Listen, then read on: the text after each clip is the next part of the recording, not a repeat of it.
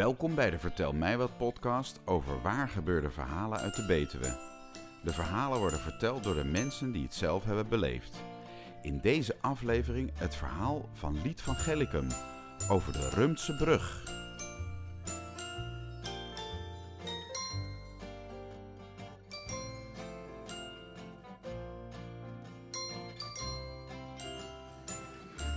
Als je stil blijft staan, dan zie je de hele wereld voorbij komen.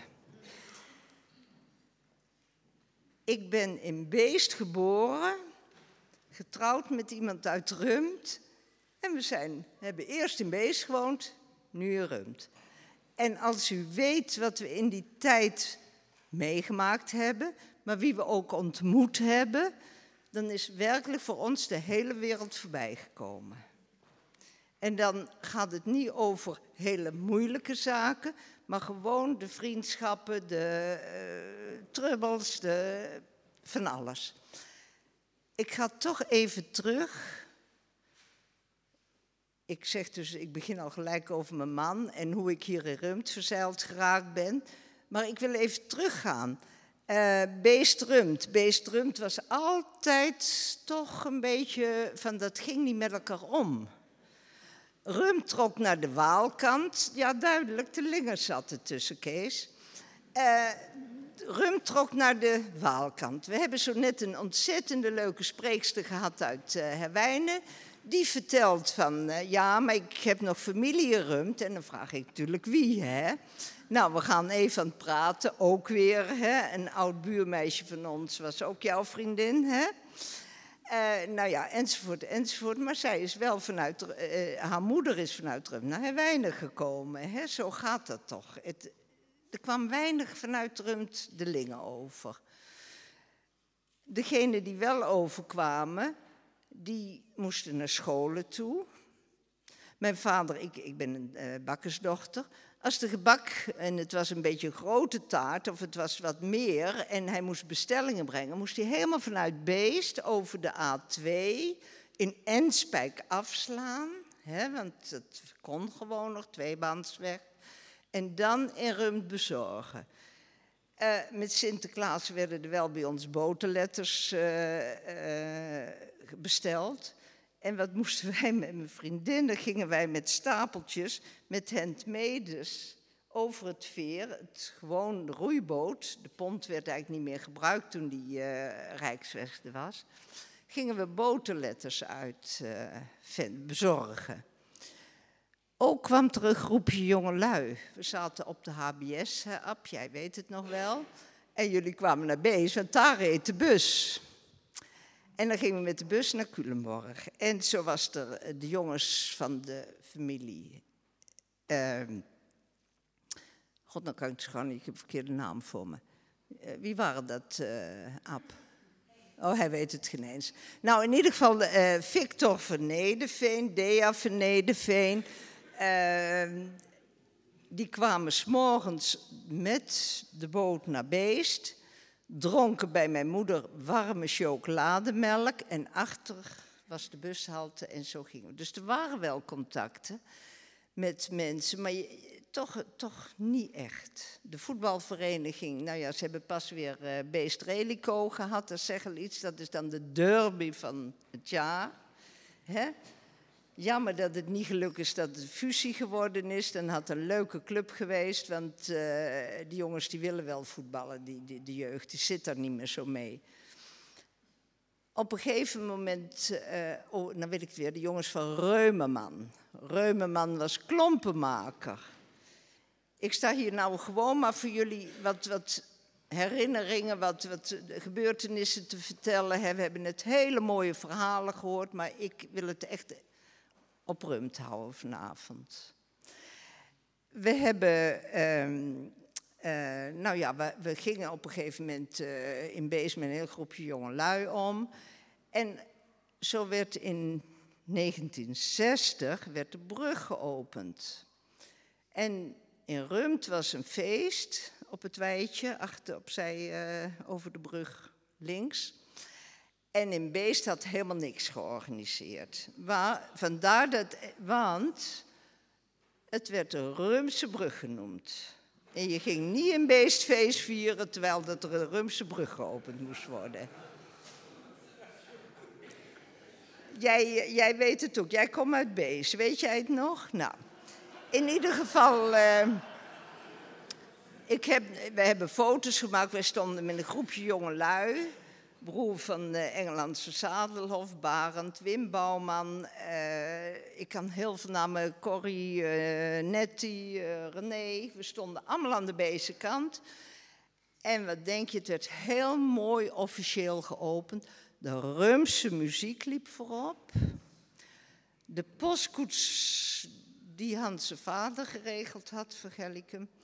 Uit Utrecht van Vergenteloos en daaromheen wat paarden.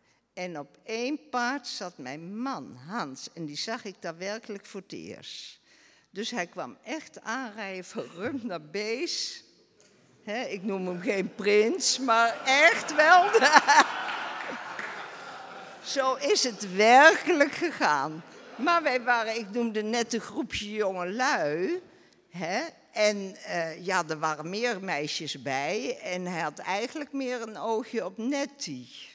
Ja, hier zitten mensen die weten dat, dus die namen. Hè? Dus, maar de, ik ga niet veel op details verder zien. Maar in ieder geval, we hebben s'avonds feest gevierd. En ik was 14 jaar. En uh, wij naar de, het Rumse feest. Maar dat was in de tijd, ik moest om negen uur thuis zijn. En dat deden we ook, hè, de kermis. En uh, nou ja, in ieder geval, zo is gekomen tussen Hans en mij. We zijn intussen 52 jaar getrouwd. Maar niet dat het vanaf die. Dank u.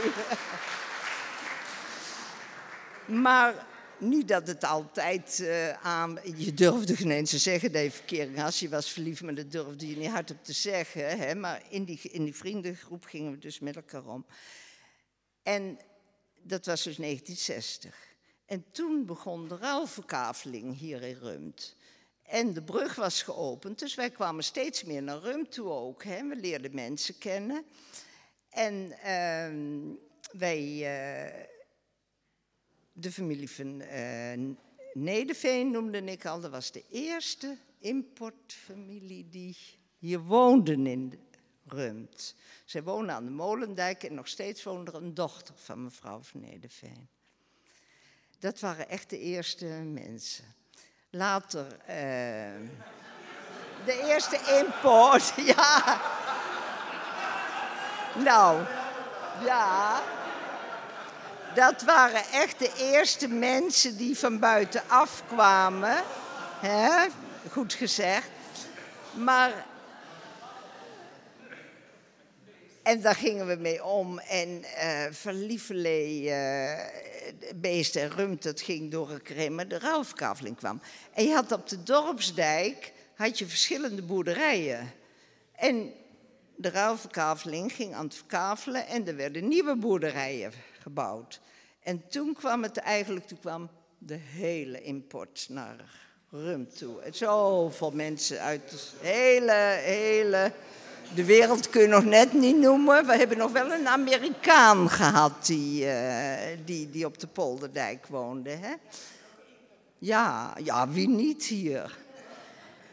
Hans en ik, mijn man en ik zaten vanavond even uh, de echte Rumse namen te tellen. Dus niet hele de, de, de, familienamen, wat we nog hadden. Hè? We kwamen aan de 19 mensen die hier nog familie hebben wonen. Dus ja. In ieder geval, Rita, ik, zit, ik ben bezig met mijn verhaal. Nee hoor, maar prima hoor. Ik had ook eigenlijk verwacht vanavond, ik had me er helemaal geen voorstelling van, maar ik dacht we zitten lekker op stoelen en misschien een, eh, een, een, een soort zetel voor degene die uh, gaat vertellen. En zo zitten we met elkaar. En nou sta ik achter een microfoon, wat ik dus... Nou ja, uh, in ieder geval die ruimverkaveling kwam. De boeren gingen naar het veld toe en de huizen werden bewoond, twee, werden aangekocht als tweede woningen. En verschillende onder u zullen wel nog de familie Meijer kennen, nu in het Huis van de Meer. Hè? En dat waren een van de eerste ook die kwamen. En dan kwamen ze de familie Meijer, dat was dan meneer en mevrouw Meijer en ehm, een dochter en een zoon. En die meneer en mevrouw die kwamen dan zaterdags in Beest bij ons in de bakkerij, in de winkel, kwamen ze allemaal bonbons kopen en taartjes. En die kwamen samen. En wij waren er niet gewend. Je ging naar de bakker hè, als, als vrouw zijnde, maar niet gezamenlijk echt winkelen in Beest. Maar die vonden dat allemaal prachtig. En Jan, die zoon, daar zijn we heel lang bevriend mee gebleven met een groepje Beest en een groepje Rumt. En nou ja, zo hebben we onze tienerjaren doorgebracht, de jaren zestig. En eh, de huizen werden op een gegeven moment uh, niet alleen voor tweede huis, minder. Eigenlijk, ik weet geen eens of er nog mensen hier een tweede huis gerumd hebben. Maar er kwamen van alle kanten kwamen mensen. Uiteindelijk zijn wij getrouwd. We hebben in Beest gewoond op het Hoge Huis. 13, 14 jaar. En daarna was dat, uh, werd allemaal volgebouwd erachter. En toen zijn wij hier naar Rum toegekomen. Maar we hadden intussen heel veel contacten met Rumt. We hebben de Peuterspeelzaal opgericht in Beest met een groep vrouwen uit Rumt uit uh, Beest. Bij Christa en Kees in het huis, dat was Annemarie, dat was een leidster. De buurvrouw was ook leidster. 10 euro per ochtend, geen regels, niks. We gingen die Peuterspeelzaal oprichten. Uh, er moest wat geld komen. We hadden een zaaltje gehuurd, later een, uh, een schoolgebouw, een, een, klas, een noodschool. Toen de Lingelaar wegging. We gingen Gellicum rond. Nou, ik zal het nooit vergeten. We hadden van een uh, bevriend fruithandelaar hadden we goedkoop fruit kunnen kopen. Wij echt mandenvol met allemaal mooie uh, zakjes met fruit. En appel en peer en uh, mandarijn en een banaan. We kwamen in Gellicum. Nou, de deuren werden voor ons de neus dichtgesmeten. Want de peuterspeelzaal en dan hier voor Gellicum voor de omgeving. Iets voor luie moeders. Maar in ieder geval, die peuterspeelzaal is er gekomen. En die is er nog steeds. Maar als je nou ziet, en nou valt het onderaan het onder onderwijs in plaats van uh, welzijn. Maar in ieder geval, zo waren we hier in, Be bezig. Er waren heel veel mensen die kwamen wonen hier met kleine kinderen. Het schooltje is ook echt helemaal uh, uitgebreid in de loop der jaren. Uh, maar op een gegeven moment, ik zei net die eerste zin, hè, van uh, als je stil blijft staan, dan zie je de hele wereld aan je voorbij komen. En daar bedoel ik mee, wij zijn, ik, ik kom uit Beest, mijn man uit Rumt, eerst in Beest gewoond, nou, zelf, dan wonen we al jaren in Rumt. dus wij staan echt op één plaats. Niet dat we hier alleen maar zijn, maar in ieder geval. Maar als je dan nagaat hoeveel mensen daar wij hebben leren kennen en die weer vertrokken zijn. Want de kinderen zijn groter en hier is weinig en men wordt ouder, de huizen zijn groter. En dat vind ik wel heel jammer, want je zou zo graag met heel veel mensen heel oud worden hier. Dat we met elkaar alles kunnen, wat we eh, meegemaakt hebben, wat je kunt delen. Met verschillende mensen heb je, dan nog goed contact hoor, en, en, uh, uh, die vertrokken zijn, maar toch, het is minder. En de boeren die in het veld zijn gaan boeren, ook die zijn eigenlijk maar op één hand te tellen. Die zijn gestopt, weggegaan, geen opvolging, noem maar op. Dus het is allemaal groter en groter geworden hier. Ik zei tegen jou dat ik het heel moeilijk vond, 10 minuten, want ik heb niet gekeken. En hoe lang ben ik nou bezig? Want ik zou. nee, ja, ik stop dus. Ja, maar weet u wat over die huizen? Het is natuurlijk verschrikkelijk fijn dat er zoveel mensen van buiten zijn komen wonen. Want die huizen zien er allemaal prachtig uit, werkelijk. En die worden onderhouden. Het is wel zo, zo gauw iemand verhuist, denk je, een prachtig huis, prachtig huis. Er komt iemand anders in wonen, je ziet de containers worden neergezet en men begint weer te verbouwen. Hè? Dat uh, zal u algemeen bekend zijn bij allerlei, uh, overal waar jullie wonen, misschien ook hetzelfde als hier. Ik zou nog heel lang door kunnen gaan met gewoon allerlei dingetjes, herinneringen. En uh, nou ja, zoals vroeger, ik zei net van uh, Rumt kwam niet naar beest en uh, heel weinig. Want Rumt hoefde ook niet naar beest. Want als je weet hoe ontzettend veel winkeltjes hier waren, nou, dat, dat is ongelooflijk. En toch iedereen had, had de kost. Hè? Goed, ik ga mijn kaars uitblazen en uh, hoop nog even met jullie gezellig na te praten.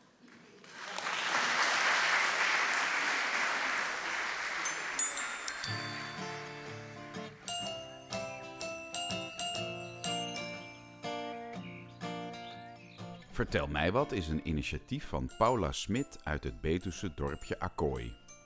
Ze bedacht dat het leuk zou zijn als je verhalen zou kunnen horen van mensen die zelf iets bijzonders hebben meegemaakt. De verhalen worden niet voorgelezen, maar spontaan verteld. Een redactie onder leiding van Anja Kielestein selecteert vooraf de verhalen en geeft tips aan de vertellers. Tijdens elke Vertel mij wat avond treden 6 tot 8 vertellers op met hun eigen waargebeurde verhaal. En er is ook live muziek. We zijn altijd op zoek naar echte verhalen die door mensen uit de Betuwe worden verteld. Die verhalen kunnen zich overal hebben afgespeeld en ze kunnen hilarisch, historisch of ontroerend zijn. Neem contact op met ons als je een verhaal wil vertellen en kijk op onze website om te zien wanneer onze volgende vertelavond plaatsvindt.